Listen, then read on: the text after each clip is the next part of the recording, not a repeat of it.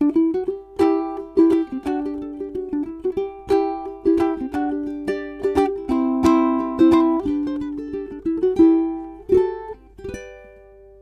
disse dager så ser vi alle til USA med både sjokk og vantro. Det føles litt som det skrives historie hver eneste dag, på, på, godt og vondt. Og for å gjøre oss litt klokere på denne situasjonen, så har jeg vært så heldig å få med meg vår partileder og kunnskapsminister Guri Melby. Velkommen. Tusen takk. Og velkommen også jurist, stortingskandidat for Oslo Venstre og USA-ekspert Sofie Høgestøl. Hallo.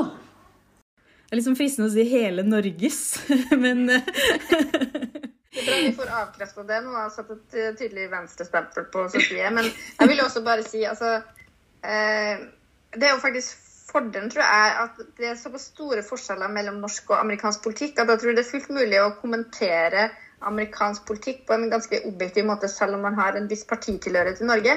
Jeg vil tro at de fleste som titulerer seg som USA-eksperter, faktisk har en form for partitilhørighet. Men det spiller egentlig ikke så veldig stor rolle, for det er bare en veldig annerledes politisk landskap da, enn det vi har her. Mm. Det er bare to uker siden eh, Trump-supporterne stormet eh, Kongressen når denne poden går. De, eh, de gikk løs på politiet, de plyndret kontorer, de tok selfies av seg selv mens de surra rundt inni hjertet av det amerikanske demokratiet og prøvde mer eller mindre vellykka å, å stoppe et lovlig gjennomført demokratisk valg. Eh, fem mista livet i dette sammenstøtet, og i ettertid så har Washington DC vært strengt bevoktet, nærmest som i en krigssone hvor journalister tar på seg skuddsikker vest for å dekke det som skjer. Og midt oppi alt dette her så skal Joe Biden og Kamala Harris ta over ledelsen av USA. Hva er det dere føler i dag?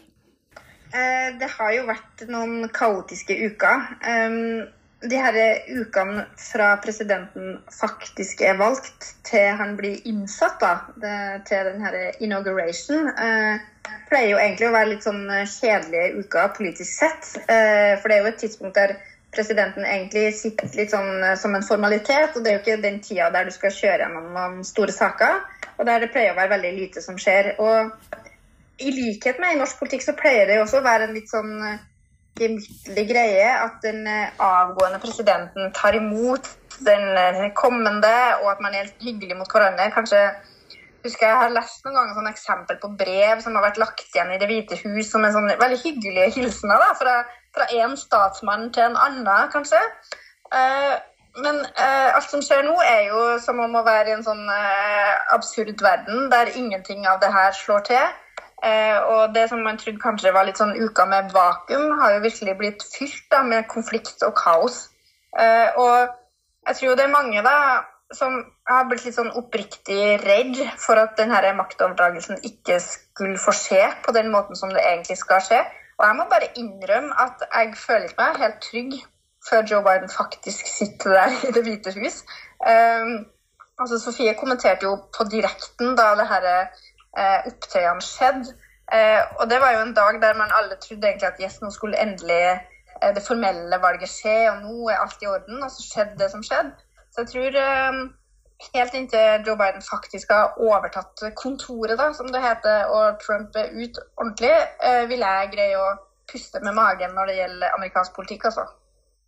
Ja, jeg, jeg tenker at de siste ti dagene har vært så utrolig surrealistiske. Um, og, og, viser jo litt at USA og Norge har jo vært sett på som moderdemokratier. Som betyr at våre demokratier har ofte ikke vært så opptatt av å kanskje lage harde juridiske regler på den mellomtiden vi har vært inne i. Um, altså den perioden mellom valget og at en ny administrasjon tiltrer. Litt fordi at har, det har gått så greit i flere hundre år i både USA og Norge. Uh, men nå, nå ser man jo at mye av det er basert på kutyme.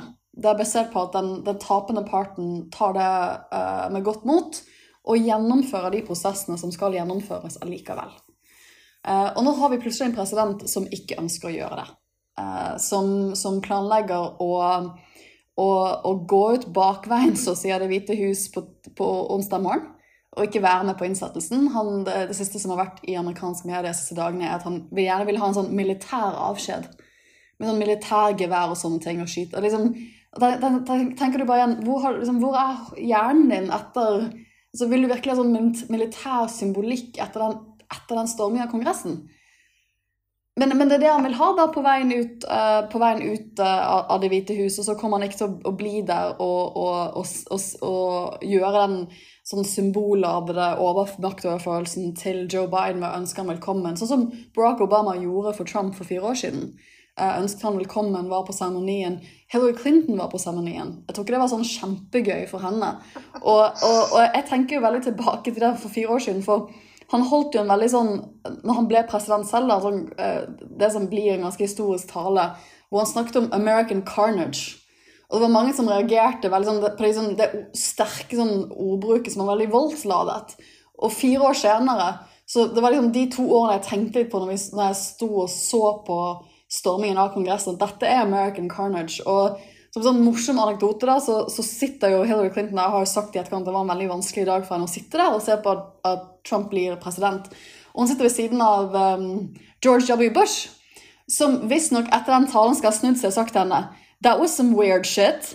Og jeg tenker sånn jeg hadde aldri trodd at liksom, meg og George W. Bush skulle være sånn ja, sånn enig, sånn superenig. Men liksom sånn, jeg tror han har hatt den beste reaksjonen på mye av trumpisme. da, som er sånn, Dette er skikkelig, skikkelig rart, men også også, også, det som skjer når samfunnet blir gjennomsyret av konspirasjonsteorier. Og midt oppi dette her så skal vi, vi få et nytt presidentpar, en ny visepresident. Og det er jo én ting at de har et politisk eh, prosjekt som de vil sette i gang, men hva kan vi egentlig forvente i tiden som kommer, i året som kommer, at de, at de vil kunne klare å få til? Altså, det blir jo veldig krevende for dem å ta over akkurat nå. For det er klart at de eh, har jo blitt eh, fått mange kriser i fanget, egentlig. da. Og altså, Nå har jeg fått oppleve på nært hold det å drive krisehåndtering. Det betyr jo at du får veldig mye mindre tid til andre ting. Som det er ingen tvil om at både det amerikanske samfunnet, men også verdenssamfunnet, har behov for at Joe Biden og Camilla Harris bruker tida si på. Fordi at uh, For det første så er det jo da dype konflikter, sterke motsetninger i det amerikanske samfunnet. og det er en ting er jo de voldshendelsene som vi har sett på Capitol Hill, men det er jo ikke de eneste demonstrasjonene og de eneste voldelige handlingene som har vært. Det har jo vært i flere delstater spredt omkring i hele landet. Så det er klart at eh, det er noen sånne borgerrettsbevegelser her som er ganske skremmende, som det er ingen tvil om at man er nødt til å gjøre noe med. da. Eh, for det andre så er USA så dypt nede i en sånn pandemikrise som det er helt eh, Jeg tror det er vanskelig for oss å sette oss inn i. Vi syns det er kjedelig at vi sitter her på hjemmekontorene våre, men Altså, det, det, dør jo tusenvis av mennesker hver eneste dag. Økonomien eh, er i krise, folk er arbeidsledige. Eh, og det kommer til å ta mange år før de kommer seg igjen etter det. Så det er ingen tvil om at uh, det her er jo den type kriser som, uh, som uh, Joe Biden er nødt til å bruke veldig mye tid på. Um, så altså Vi har jo selvsagt høye forhåpninger til til både Joe Biden og også heldigvis da, at det ble et nytt flertall i Kongressen. For det gjør jo faktisk at han har en større mulighet til å få gjennomført ting.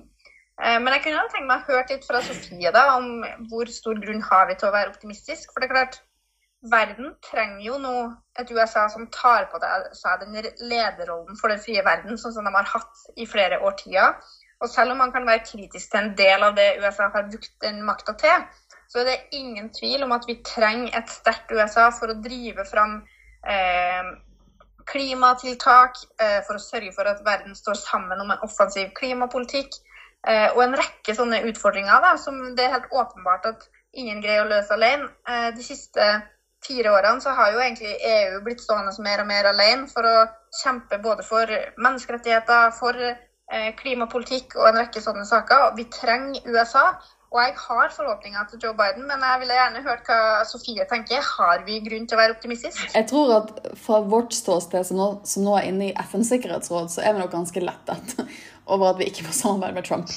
Men at det blir, liksom, det blir jo de som skal inn og lede utenrikstjenesten i USA, er jo folk som norske utenrikstjenesten har jobbet mye med før.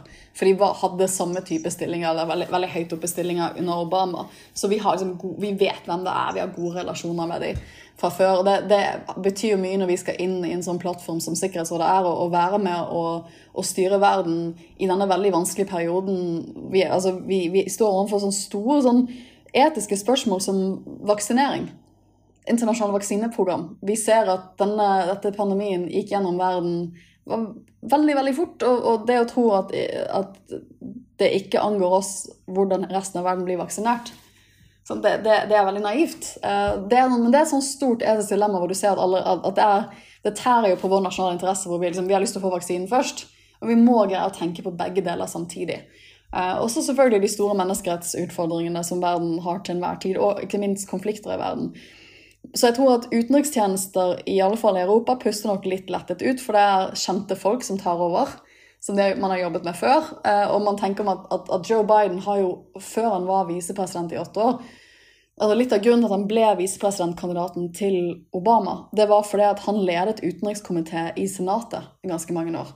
Eh, så han, liksom, han, skulle hjelpe Obama, for Obama kunne mye utenriks, men hadde lite utenrikspolitisk erfaring. Så han ble liksom valgt som visepresidentkandidat til å gi liksom, Obama litt tyngde utenriks.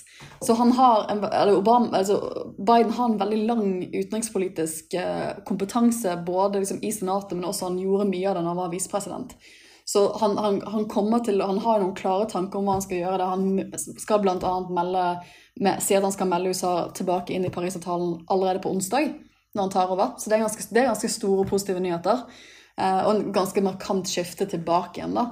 Eh, men så blir det andre utfordringer. Men jeg, tenker sånn innenriks, som, som, Guri sier, så, så, er det altså Innen Trump går av, så er det nok 400 000 personer i USA som har dødd av koronaviruset. Og det er 3000 pluss som får korona hver eneste dag i USA. Eh, og sykehusene holder på å bli fulle mange, i mange stater. Uh, og, og, så har du den økonomiske krisen, at du ser at arbeidsledigheten biter fast, uh, og at man ikke har fått igjennom ordentlige krisepakker, sånn som vi har kranglet oss frem til. det. Man har ikke alltid vært enige, men Stortinget har jo greid gang på gang på gang siste år å komme, komme, frem til løsninger som har bred tverrpolitisk støtte, og det er viktig i en krise. Men så er det jo det faktum at han, han sitter der altså Man har noen nye undersøkelser om hvor mange som fortsatt tror på valgfusk at det har vært valgfusk. Og 31% av amerikanere svarer fortsatt i disse undersøkelsene at de mener at det er solid bevis for at det har vært valgfusk. Og da har du 30% av befolkningen som ikke tror at du egentlig vant valget. Og det er ganske, altså USA er 330 millioner mennesker. Det er ganske mange mennesker. Hvis, hvis, tall, hvis de tallene treffer da, og, er, altså, og virkelig reflekterer hele landet. Og, og da, da, er det selvfølgelig vanskelig å styre hvordan man på lang sikt, som Guri sier, når man må antageligvis bruke antageligvis ett eller to år på ren krisehåndtering av en pandemi og den økonomiske ettervirkningen av pandemien. Hvordan får man da gjennom en mer ambisiøs politikk og få forsonet landet? For det er jo liksom det han har sagt skal være det store temaet, for han skal prøve å forsone landet. Når en god andel av befolkningen ikke mener at du er legitimt valgt. Mm. Men jeg tror jo, altså, bare for å kommentere litt videre òg Jeg syns det er veldig gode poeng Sofie har når det gjelder Joe Bidens bakgrunn og hans lange erfaring. Mm. For altså Da vi hadde, da demokratene skulle velge sin presidentkandidat Det er jo veldig mange i Norge som følger med på det òg. Og jeg må jo bare innrømme at jeg var kanskje blant dem som ikke var sånn superentusiastisk over Joe Biden. For han er ikke den som altså Hvis du sammenligner med en sånn person som Obama, da, som eh, som har sånne fantastiske talegaver som vekker sånn begeistring. Du får nesten gåsehud når du hører han snakke, uavhengig av om du er enig med eller ikke. En bare sånn fantastisk sånn inspirerende person. Så er jo Joe Biden på en del sånne ting litt i andre enden av skalaen. Han eh, kan mumle litt, og han bommer litt noen ganger når han snakker. og altså Han er jo en veldig godt voksen mann, så det er jo ikke sånn at altså selv om han virker for så vidt veldig sunn og frisk, så er det jo ikke sånn at han spruter av energi, på en måte. Og derfor så tror jeg at det, jeg tror kanskje mange som var litt som meg, at man hadde et litt sånn lunkent forhold. Men man tenkte det som var bra med Biden, var jo at han hadde en sjanse til å slå Trump, og det viste han jo at han greide også. Men det som jeg har tenkt på nå de siste ukene, er jo at Biden har jo også da mange egenskaper som faktisk nå kan passe ganske bra. Og kanskje egentlig bedre enn en sånn Obama-type, hvis du skal på en måte ta det. da, for at han er jo ganske sånn i sentrum av det politiske spekteret. Altså, Venstrefolk skjønner jo at det er veldig smart være. For det betyr jo at selv om du da ikke stemmer på han, og selv om du kanskje også tror det er valgfusk, så er det jo ikke sikkert at du står så veldig langt fra han politisk for dem. Så det kan jo hende at en del av de tingene han skal jobbe med, ikke kommer til å være superkontroversielle av sånne politiske saker, fordi at han er såpass sentrumsorientert. Og så har han veldig lang erfaring og en ting er at du har erfaring, som betyr at du er flink til å skjønne hvordan du skal jobbe for å få gjennom sakene. Men en annen ting som man ikke skal undervurdere i politikken, det er også betydninga av nettverk. Og det å kjenne mange folk, både som da sitter i Kongressen, men også ellers, um, det er jo et veldig godt utgangspunkt for å bygge noen bruer. Uh, og jeg synes jo uh, Jeg vet ikke om det er riktig å tolke det sånn, men jeg syns det var en god start at det var faktisk flere republikanere som støtta riksrettssaken mot Trump nå når det var votering i for, eh, tidligere i uka. Det viser jo at man er ikke helt låst i partigrupperingene sine. Og jeg tror jo at eh, altså det holder ikke at republikanere og demokrater samarbeider for at det skal bli eh, mindre konflikt blant folk, men det er en veldig god start. da. Eh, det å se at folk kan finne sammen på tvers av partigrenser. Og det tror jeg kanskje at Biden er en president som kan få til. Jeg tror det er også noe han genuint brenner for. At han mener at hele hans politiske karriere så har han nettopp gjort det, jobbet med midten av amerikansk politikk og fått altså, fått tverrpolitisk enighet på plass. Og det er jo litt jeg tenker jo sånn, Mange har jo kritisert ham for å være veldig gammel. Men jeg tenker på noen måter så er det jo litt befriende å ha en president som antageligvis ikke skal stille til noe annet embete etter han er ferdig med dette her. Så det, det, blir jo det siste han gjør karrieremessig, og det gir han jo, han stiller antageligvis ikke til gjenvalg. Og det gir han jo litt frihet til å tenke at dette, nå skal jeg gjøre det jeg mener er riktig i denne stasjonen her, antageligvis, enn å tenke på at jeg skal gjøre ting som gjøre, kan gjøre at jeg kan vinne om fire år igjen, eller som gjør at jeg kan sikre meg de tingene, den ettermelde i fremtiden. Um, og det, det, er jo litt interessant, for den som da vil fortsette antageligvis å lede republikanerne i Senatet og Kongressen, det vil jo være Mitch McConnell, som går for å være senatsleder til å bli, altså bli leder for, eh, for opposisjonen i Senatet. Men de to har jo, er like gamle, de er 78 år gamle, de har jobbet sammen i mange mange tiår. Mitch McConnell ble nettopp gjenvalgt, så han sitter i seks år til. Og det er jo, man må jo tenke at det også er hans siste seksårsperiode i Senatet. Og han har jo signalisert nå plutselig internt at det kan godt være at han stemmer for riksrett. Eh, og det er jo litt interessant å se disse to mennene da prøve å kanskje finne sammen og legge en del ting bak seg. For de har jo de, har, de er jo visstnok har altså, et rimelig godt forhold da, utenfor politikken, selv om de er uenige. Eh, og kanskje greier å lede, og, og, og, de to sammen prøve å stake ut en kurs for at landet deres skal bli mer forsont. Det er en interessant tanke. Ikke det at liksom, Mitch McConnell gjorde nok livet til Obama-administrasjonen ganske surt, så de har nok begge ting de må legge litt fra seg eh, i en sånn type samarbeid. Men det er litt interessant sånn historisk at du har disse to mennene som har vært i amerikansk politikk i så mange tiår, og dette er det siste de antageligvis gjør i storpolitikken. Og de har en enorm, altså det er en utrolig utfordrende tid. Men kanskje noe godt, kanskje vil finne en vei, en vei sammen, da. Det må jo være håpet. Men er det mulig å, å, få det til i løpet av en presidentperiode? For det er klart at den utviklingen med splittelse den begynte før Trump, selv om den har blitt speeda enormt opp under Trumps presidentskap. Så er dette noe man har sett over tid. En ting er at man har sett det i befolkningen, men man har også sett det i Kongressen. At, at fløyene har stemt mindre og mindre sammen gjennom flere tider. Det var mye vanligere å stemme på tvers av partigrenser før. Nå har man sett at man heller strekker seg lenger og lenger ut mot fløyene i også hvem som velges inn. Hvordan kan man gå løs på, på å nettopp dempe disse fløyene, da, utover at de to som da står i front, har lyst til å gjøre det? Hvordan får man både hele partiene sine med på det, og også befolkningen? Guri, du har vært flink til å jobbe jo, altså det, det, er jo noe du har gjort i ditt politiske liv. Altså, det tror jeg det er en eh, nøkkel nøkkel, altså det er jo en nøkkelegenskap for politikere generelt, er jo faktisk å prøve å bygge ned eksisterende skillelinjer og prøve å skape noe nytt på tvers. Eh, fordi at Hvis alle på en måte bare står fast da, i sine posisjoner, så får ikke til noe nytt. Og Det er jo litt av, altså det er jo tankegangen som eh, Venstre har brukt når vi har søkt makt. Eh, altså Man kan godt stå eh, for eksempel, Noen har jo ment at ja, miljøpartiene bør holde sammen og prøve å bli sterke sammen.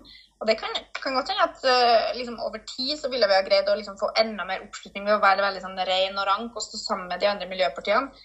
Men uh, vi har jo ikke tida til å vente på det. Vi er nødt til å få til endringer nå. Og da er man faktisk nødt til å gå inn i forpliktende samarbeid og prøve å skape noe nytt. Uh, og få folk til å med noe annet om en sak da, enn det man egentlig gjorde. så det er jo det som er nødt til å gjøres da, i amerikansk politikk. Eh, og hvis jeg hadde hatt svaret på spørsmålet ditt, så kunne jeg sikkert ha blitt statsminister. Ja. Eh, for det er jo krevende. Det er jo ikke enkelt. Um, men, eh, og det må jo være mange som er villige til å gjøre det. Det er klart at det funker ikke hvis Joe Biden er den eneste som er villig til det. Det må være flere som vil. Men hvis det er flere som også ser altså de sterke sammenhengene da, mellom økonomisk krise, økende sosiale skillelinjer og også da økende politiske konflikt, og at det her faktisk henger veldig tett sammen. For det er klart den her polariseringa det kommer jo ikke ut av intet. Eh, det er jo ikke mennesker som er fornøyd med livene sine, som ender opp med å på en måte verken tro på konspirasjonsteorier eller gjøre opprør da, mot makta. Det er jo stort sett folk som av en eller annen grunn er misfornøyd, og som kanskje også har en god grunn til å være det. Mm. Eh, det er økende forskjeller. Det er veldig ulik tilgang til, til utdanning, til sosiale goder, og da også da til arbeid. Eh, og når det får på en måte bite seg litt fast, eh, og mulighetene da, for flere til å realisere livet sitt og ja, oppnå økonomisk velstand f.eks., når de mulighetene oppleves som veldig ulikt distribuert, så gir jo også det veldig grobunn for den type politisk konflikt. Så du løser jo ikke den polariseringa uten å også gjøre noe med de sosiale utfordringene i USA. Nei, og det, og det blir jo veldig spennende. Altså, jo, Joe Biden har jo lov han skal øke minstelønn, f.eks. Eh, gjøre et eller annet med, med, hvor dyrt det er å ta høyere utdanning i USA. Komme del sånne tiltak. og det, det, blir veldig spennende å se om han får gjennom det. Men jeg tenker at sånn polariseringsmessig så er det um, Hilde Restad, som er en god USA-kjenner, eller hun er jo ordentlig USA-ekspert, hun forsker på dette. Hun har jo forsket mye på at vi snakker jo om polarisering, men, men, man kan liksom ikke, særlig ikke etter disse to ukene, komme under det faktum at det republikanske partiet har polarisert seg på en helt annen måte enn demokratene. Og jeg tenker det en av de største maktfaktorene i amerikansk politikk vil forbli de neste fire årene hva som skjer internt i republikanske partiet. Vil det splittes? Uh, og det tror jeg er en veldig reell mulighet for at de gjør. Uh, jeg tror at det som holder de sammen for å ikke splittes, er, at, er nok pragmatisme, for de vet at splittes vi, så vinner vi ikke noe presidentvalg på mange år. Da er vi ute av amerikansk politikk på toppnivå sånn, av det valgsystemet de har. Uh, men, men, men, liksom det, det, er En av senatorene har skrevet en ganske sånn kraftfull kronikk i The Atlantic i dag om, om, om, det, hvor han sier at vi kan Enten er vi et, altså partiet til Lincoln og alle disse store forfedrene våre, eller så er vi konspirasjonspartiet. Vi kan ikke være begge deler. Det går ikke. Så vi har prøvd å stå den, vi har stått i den spagaten i flere år nå, det går bare ikke. Og enten tar vi ordentlig avstand, eh, eller, eller så, så, er vi ikke det partiet vi har vært. Og, det, og, og hvilke type internoppgjør de har for Jeg tror kanskje det mest surrealistiske for meg det var at etter vi, vi hadde sånn krisesending til ett om morgenen den dagen Kongressen ble stormet, og så visste vi at de skulle gjenoppta godkjenningen av valget klokken to om morgenen. Og da var liksom, Jeg sovnet på sofaen, jeg var så trøtt. liksom, og sånn, jeg, jeg, holdt på å sovne, så sånn, jeg sovna bare. så ja, Da går jeg glipp av godkjenningen. Men, men for, jeg, for, jeg, tenkte jo da at disse republikanerne som hadde trenert godkjenningen ved å begynne å, å si at de begynner å legge inn um, objections og si at ja, vi, vi, vi, vi motstrider valgresultatet, vi vil ha en debatt om det. Så det var den debatten de var i når Kongressen ble stormet at de kanskje ville legge bort det nå og si at ja, nei, kanskje vi ikke skal fyre opp rundt denne konspirasjonsteorien og bare godkjenne valget og gå videre. Og nei, nei, når jeg våknet opp i sånn syv-åtte-tiden om morgenen norsk tid, så holdt de fortsatt på. Fordi at de folka som nettopp da hadde gjemt seg under Bokstavelig talt altså under pultene sine, i livsnød, livsfare, um, de fortsatte å bestride valgresultatet etter de kom sammen igjen. Og for meg var det helt, bare helt uforståelig. At, at du, du, den konspirasjonsteorien du har vært med på å bygge opp, har ført til et voldsangrep mot deg selv, men så fortsetter du å stå i det i etterkant. Og, og det viser jo hvor det partiet er. Og hva de har tenkt å gjøre for, for, for, å, bli, for å ikke være et konspirasjonsteoriparti, det, det, som har en høyreradikal fløy som, som, som som, ja, og alt det fører med seg, det, det, det syns jeg er vanskelig å si. Og, det, og det, den jobben kan ikke Joe Biden gjøre. Den må de ta selv. Ja, og det, det, du sier der er jo egentlig ganske deprimerende. Men uh, lyspunktet oppi alt det her da, er jo da faktisk at uh, Det demokratiske partiet vant valget. Uh, og selv om det var med knappest mulig margin og vi fikk en ny runde i Georgia, og sånn, så har de jo nå faktisk sikra seg flertall. Og det betyr jo Det sier jo også noe om de amerikanske velgerne, da. Eh, og selv om det selvsagt er altfor mange som tror på konspirasjonsteorier, så er det jo fortsatt et flertall som ikke gjør det. Ja. Eh, så vi skal liksom ikke grave oss altfor dypt ned heller, tenker jeg. altså. Men, eh, og, og, og, jeg tenker jo at en del folk vil nå få tid til å, å, å kanskje virkelig gå litt i seg selv de neste ukene. tenker Er dette den sånn type politiker jeg har lyst til å være i fremtiden?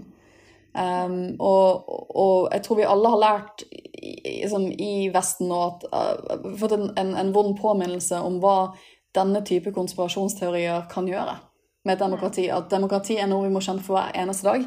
At det er vondt og vanskelig til tider å skulle komme til forlik med folk du ikke er enig med, men at det demokratiet er. Og det er noe vi må jobbe med kontinuerlig. Uh, og det er, er nok en, en, det er også, Jeg føler det også det er en positiv ting da, for, som vi kan ta med oss. At dette arbeidet vi står i, som av og til kan føles kjedelig Men av og til føles kjedelig å komme til nok et klimaforlik, men det er faktisk essensen i demokratiet vårt å greie den kunsten gang på gang. da. Ja, og det er jo altså Det var forrige uke en kommentator i Aftenposten som skrev en artikkel om eh, en sånn ære til småpartiene. Og det syns jeg jo vi i Venstre bør liksom trykke litt til vårt bryst. For jeg tror jo nettopp det at uh, vi finner fram til kompromisser der ganske mange får sine stemmer hørt. da. Mm. Det betyr jo ikke at vi får 100% gjennomslag. Det betyr at det er mange som opplever at de har fått litt gjennomslag. Og om de ikke har fått gjennomslag, så har i hvert fall synspunktet deres blitt fremma. Det har blitt fremma fra en, i nasjonalforsamlinga, fra landets viktigste talerstol, så er det noen som har stått der og snakka for deres sak. Mm. Eh, og det tror jeg faktisk er ganske viktig, både for å få utløp da, for en del sånn um, understrømmer, faktisk. Mm. Eh, men så er det også bra for å finne fram til de beste løsningene. Eh, for jeg tror jo også, selv om jeg jo eh, mener at det skulle gått veldig godt med Norge om vi hadde gjennomført Venstres program til punkt og prikke, så tror jeg jo faktisk at på mange felt så føler jeg at ting blir bedre gjennom at vi deltar i et samarbeid, gjennom at vi er nødt til å bryne oss på andres argumenter eh, og finne fram til noen kompromisser. da. Eh, så jeg tror det både gir mindre sånn, konflikt underliggende blant folk, og så tror jeg faktisk gir bedre politiske løsninger. Og dette viser jo også litt sånn sårbarheten i det topartisystemet. For i en norsk kontekst, hadde da et republikansk parti i Norge splitta seg, så hadde det fått velgere på begge kanter, eller det hadde kommet og vokst fram nye partier, og så hadde dette gått organisk over tid. Men velgermassen ville på ulike, med ulike meninger følt seg representert. Men det som vil da skje i et USA hvis republikanerne blir splitta, det er at demokratene vil vinne samtlige valg i årene fremover. Og du vil ha en voksende mengde med folk som er utrolig misfornøyd, og som ikke føler seg representert, som ikke føler seg hørt. Og det undertrykket vil jo bare bygge seg opp og bygge seg opp og kanskje føre til en enda større splittelse enn vi ser i dag.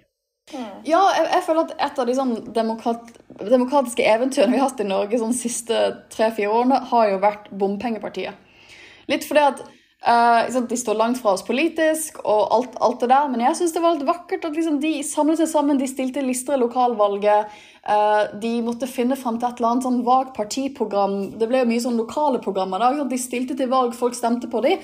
Og så har de måttet gjøre det alle andre partier har gjort, som er å delta i koalisjoner. Og plutselig måtte forhandle med, med, med, med kanskje Miljøpartiet De Grønne, som de mente, altså, og komme til forlik. Og så sitte i rare maktkonstellasjoner, og så krangle og kaste partilederen, og skal vi stille liste i altså, De har vært gjennom alle de tingene, alle de bitene av demokratiet som vi vet at er der. Uh, og, det, og det, er litt, det, er litt, fint. ikke sant? Det, det, gir en fleksibilitet i vårt demokrati som jeg syns er viktig. da, at Hvis du virkelig ikke føler deg representert av den ganske store norske partifloraen, så kan du, så er det fullt mulig i vårt system å, å, å, komme sammen, stille lister og komme med et nytt partiprogram. Uh, men så må du gjennom alle de voksesmertene som alle andre partier også har måttet, har måttet være gjennom da, når du først kommer i en maktposisjon. Så, og, og, det er jo nettopp det som er problemet, som Mona sier. Det, det, det, er så mye vanskeligere i USA på mange måter enn det er i Norge. Og, og vi ser negative effekter av det topartisystemet. Det har vi jo sett til tider også i England. Så jeg tror vi skal være ganske glad for at vi har et litt sånn rikere partiflora. Det er veldig synd synes jeg, å se en del replikanere som nok i vårt system hadde laget nok, hadde bare sånn Vet du hva, vi tar full avstand fra dette. Disse høyreradikale kreftene skal ikke vi ha jeg, ikke, jeg, vil ikke ha disse konspirasjonsteoriene. De ville bare skapt et nytt parti. Og så ville det ikke vært så vanskelig, men nå sitter de der og sånn, sånn Vi vet at vi, vi, vi, vinner nok ikke noe presidentvalg på ganske lang tid hvis vi og det, det at valgsystemet blir et sånn tvangstrøye hvor man føler at man må holde sammen noe sånt, det er ikke positivt heller. Men jeg tror jo, for Vi snakka i stad om altså Joe Bidens alder, og han er jo slett ikke den eneste meget godt voksne personen i toppen av amerikansk politikk. Eh, det er jo også ting som tyder på at det her topartisystemet også bidrar til å gjøre veien opp til maktposisjonene veldig lang og kronglete. Og liksom eh, Kamala Harris, som er i 50-åra, blir liksom regna som ganske ung. da. altså, hun ville jo vært, jeg tror hun ville vært den nest eldste hvis hun satt i regjeringa i Norge. liksom. Eh, og det, eh, det er jo veldig bra at eh, man har mennesker med erfaring i sentrale posisjoner, men Eh, og Joe Biden har jo satt for, sammen en veldig mangfoldig regjering når du ser på altså, etnisitet og bakgrunn og sånn. Men det er jo stort sett veldig godt voksne mennesker, og det er ganske få unge. Og det gjør jo også at eh, det blir ganske lite representativt, da.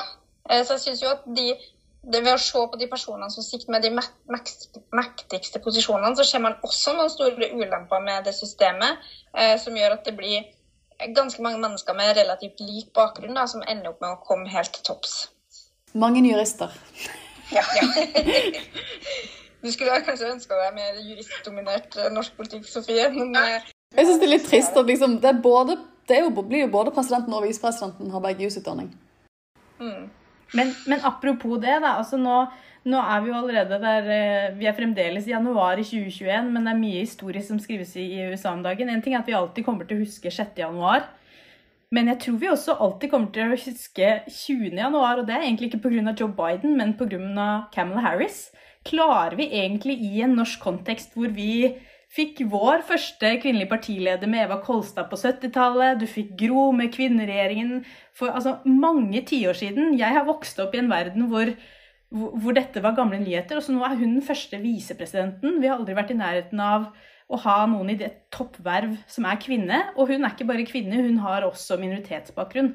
Klarer du å forstå hvor stort det er?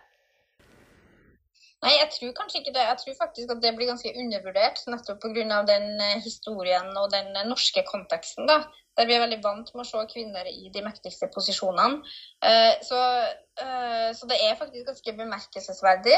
Eh, at eh, hun ble ansett da, som en god visepresidentkandidat for Joe Biden. At de regna det som en god mulighet til å vinne. Og det er klart at eh, vi ser jo at det kan gå bra med visepresidenter. De kan komme til det høyeste embetet også på sikt. Så, så, det kan jo være interessant å følge med hva det her faktisk gjør for Harris da, og hennes karriere videre. Og også hvordan hun har tenkt å bruke den posisjonen. fordi det er klart, Visepresidentrollen den er jo veldig sånn spesiell med at den er jo på en måte så er du verdens nest mektigste.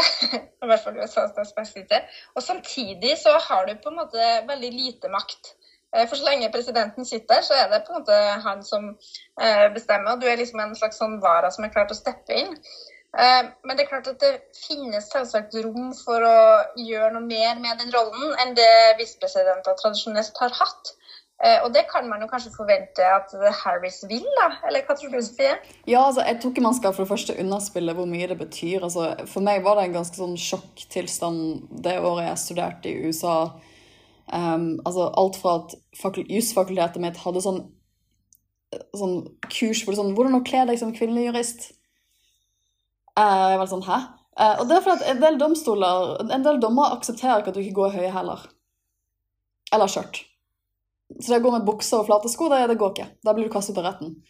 Altså, hvordan, så det, var sånn, det var oppriktig ment som et sånn hjelpemiddel. Ikke sant? Hvordan å finne ut dette, hvordan å kle deg. Og da var sånn, dette er helt forhistorisk. Og det var en del sånne ting hvor, hvor du bare merker at på toppolitikknivå i USA så det, har det vært sånn 20 kvinner. Uh, og, og, jeg tror også jeg hadde en annen norsk venninne som var der samtidig som meg, og vi snakket som liksom er aktiv på andre siden av politikken. Uh, men vi var liksom veldig enige om at det vi også har hatt i Norge, er veldig mange forskjellige I og med at vi har hatt så mange flere kvinner på toppnivå i så mange år, så har vi hatt veldig sånn forskjellig type kvinnelige forbilder. Og det føler jeg virkelig vi har fått forsterket også etter Solberg-regjeringen, hvor det er kvinner liksom, som er veldig forskjellige. Så liksom, det, det, er liksom, det, det, er ikke én måte å være kvinne på, det er 10 000 forskjellige måter. Det ser du effektert i toppolitikken. Og hvor viktig det er for, for meg har vært liksom, det, det, bare er kjempeviktig. å og se seg selv reflektert eh, og, og, og føle at det ikke er en mal du må passe inn i. For jeg følte at veldig mye i USA at du skulle passe inn i sånn ish type kvinnemal. hvor liksom, Du skulle ikke være for mye av det eller for mye, for mye av det. Du skulle, liksom, du skulle gjerne være gift, ha to barn, ha utdanning, men ikke for mye utdanning. Du skulle være sånn og sånn, men ikke for aggressiv. Du skulle være klar, og skulle, liksom, du skulle ikke være for feministisk. Sånn, sånn, mye der Hillary Clinton gikk frem og tilbake. Men jeg føler at Harris har greid å være litt kul. Og det, det, har vært vanskelig for kvinnelige toppolitikere i USA å være kule. Mens Harris har greid å være litt sånn kul. I mangel av, Hun har en sånn kulhetsfaktor som Hun tør å være litt seg selv, da, føler jeg. På en måte som Hillary Clinton kanskje ikke følte hun kunne være. Så jeg tror vi ser noe med den kvinnen. Og det er sånn interessant, kanskje konsekvens av Trump. For det at man har hatt eh, historiske kvinnevalg både for to år siden og nå i Kongressen. Um, og, og, det er en del kvinner som har sagt at etter de ser Trump, som ikke hadde noe politisk erfaring, ikke, har vært skilt tre ganger, har barn med tre forskjellige kvinner liksom, Ingen av de tradisjonelle markørene for hvem som kan bli toppolitiker bare stiller til et sånt type verv, så er det en del kvinner som vet du hva, Hvis han kan stille, så kan jeg stille. Og plutselig har du sett mye mer mangfold i sånn kvinner som blir valgt inn, og også hos republikanerne. Republikanerne har rekordmange kvinner valgt inn i Kongressen dette, dette 2020-valget. Så, uh, og ikke minst kvinner med minoritetsbakgrunn. Jeg tror dette valget her var det rekordmange kvinner med minoritetsbakgrunn som stilte til topp, toppvalg i USA. Så det, det, er veldig historisk. Og, og en, jeg, jeg, et, som jeg tror ikke vi kan forstå når vi har hatt en sånn totalt kvinnedominert regjering i i åtte år hvor, liksom, hvor ikke, ikke, bare som leder kvinner, men hvor kvinner til tider altså På en periode var det jo en koalisjonsregjering ledet av fire kvinner. Det er ganske kult. Det er ganske kult. Ja, det skal jo sies at Nå har vi en kvinnelig statsminister, men vi har også en kvinnelig visestatsminister, Guri Melby. Ikke sant? Vi har det, vi har kvinnelig utenriksminister, og vi har ja, Finansminister før, altså, ja en del ting som faktisk går i riktig retning, da, også i amerikansk politikk. Det tror jeg vi skal være veldig glad for, og det tror jeg faktisk er viktig å ha med seg. For det, jeg tror kan, det kan bli litt sånn dystert noen ganger. Eh, og man, jeg tror nok Jeg er nok redd for hvor mye skade Trump egentlig har gjort. Men det er jo tross alt eh, et moderne samfunn, er tross alt et ganske robust demokratisk system mm. også, som da faktisk har overlevd eh, en ganske spesiell president i fire år. Ja, og, og det, er mange, det, er jo en del folk i USA som mener at uten Trump så hadde du ikke fått metoo på samme måte. Så det, vi, er, vi, står midt oppi dette nå og ser en del ting. Ja. Jeg tenker sånn, I tiårsperspektiv så kommer vi kanskje til å se litt andre typer ting. Jeg tenker at sånn, en Mer kvinner som har stilt til valg, og tenkt at dette er tiden til å gjøre det.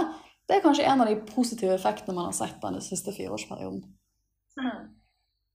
Men du Guri er jo også kunnskapsminister, og det er klart at eh, en ny kunnskapsminister i USA vil jo også ha eh, altså en viktig rolle i å samle befolkningen. Ja, altså har, Jeg har nevnt det så vidt før. altså Det med tilgang på utdanning er jo helt avgjørende for å redusere sosiale skillelinjer. Det er også en av grunnene til at Venstre har det som en av våre hovedsaker at uh, hvis vi skal realisere folks mulighet til frihet da, og folks mulighet uh, til å realisere sitt potensial, så er tilgangen til både barnehager og skoler av god kvalitet uh, og gratis uten kostnad, uansett hvor du bor hen, det er helt avgjørende.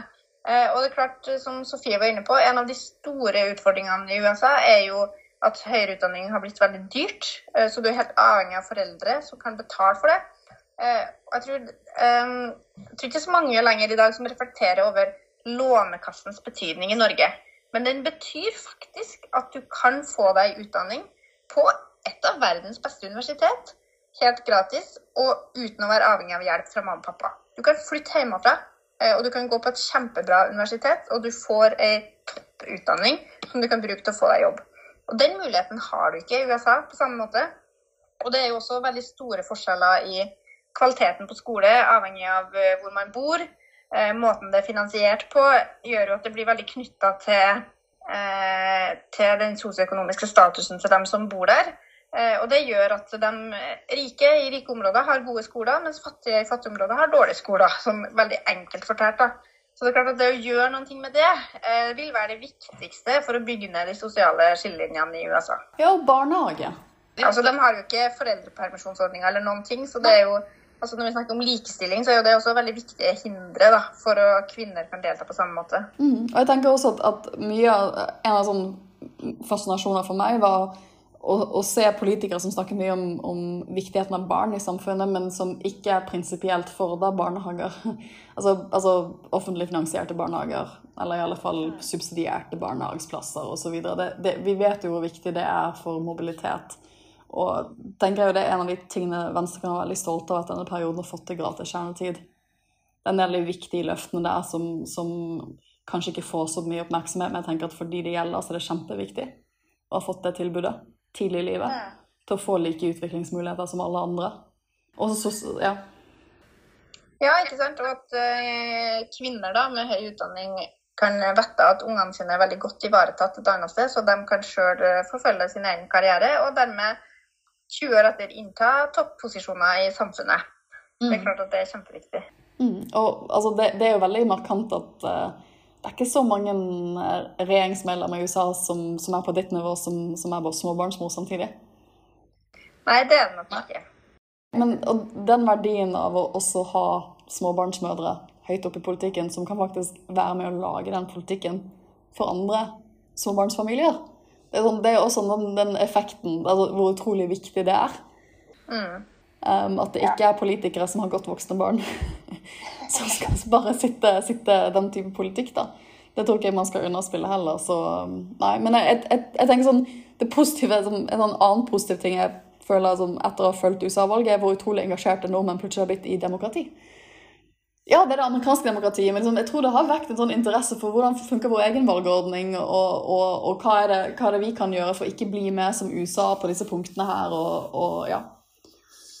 Ja, vi kan håpe at det fører til økt interesse for valget. da. Jeg er jo helt sikker på at altså, Et viktig premiss for at Venstre også skal lykkes, er jo at folk følger med, og at folk er interessert, og at man faktisk gjør seg opp egne meninger om saker, og ikke bare liksom følger de store strømmene. Eh, så jeg kan jo håpe at dette har bidratt til en sånn eh, liten vekker, og at eh, vi i 2021 får høyere valgdeltakelse enn noensinne. Det har vært veldig bra. Det var veldig fint. Men hva blir da Eh, hva blir eh, sosialliberalernes plass i midten av norsk politikk da inn i et valg hvor man trekkes mot ytterkantene, du har Maskorama og show, og så sitter vi liksom som den pragmatiske vektskåla i midten, vil prøve å finne løsninger, prøve å samarbeide, kanskje ses på som litt kjedelig.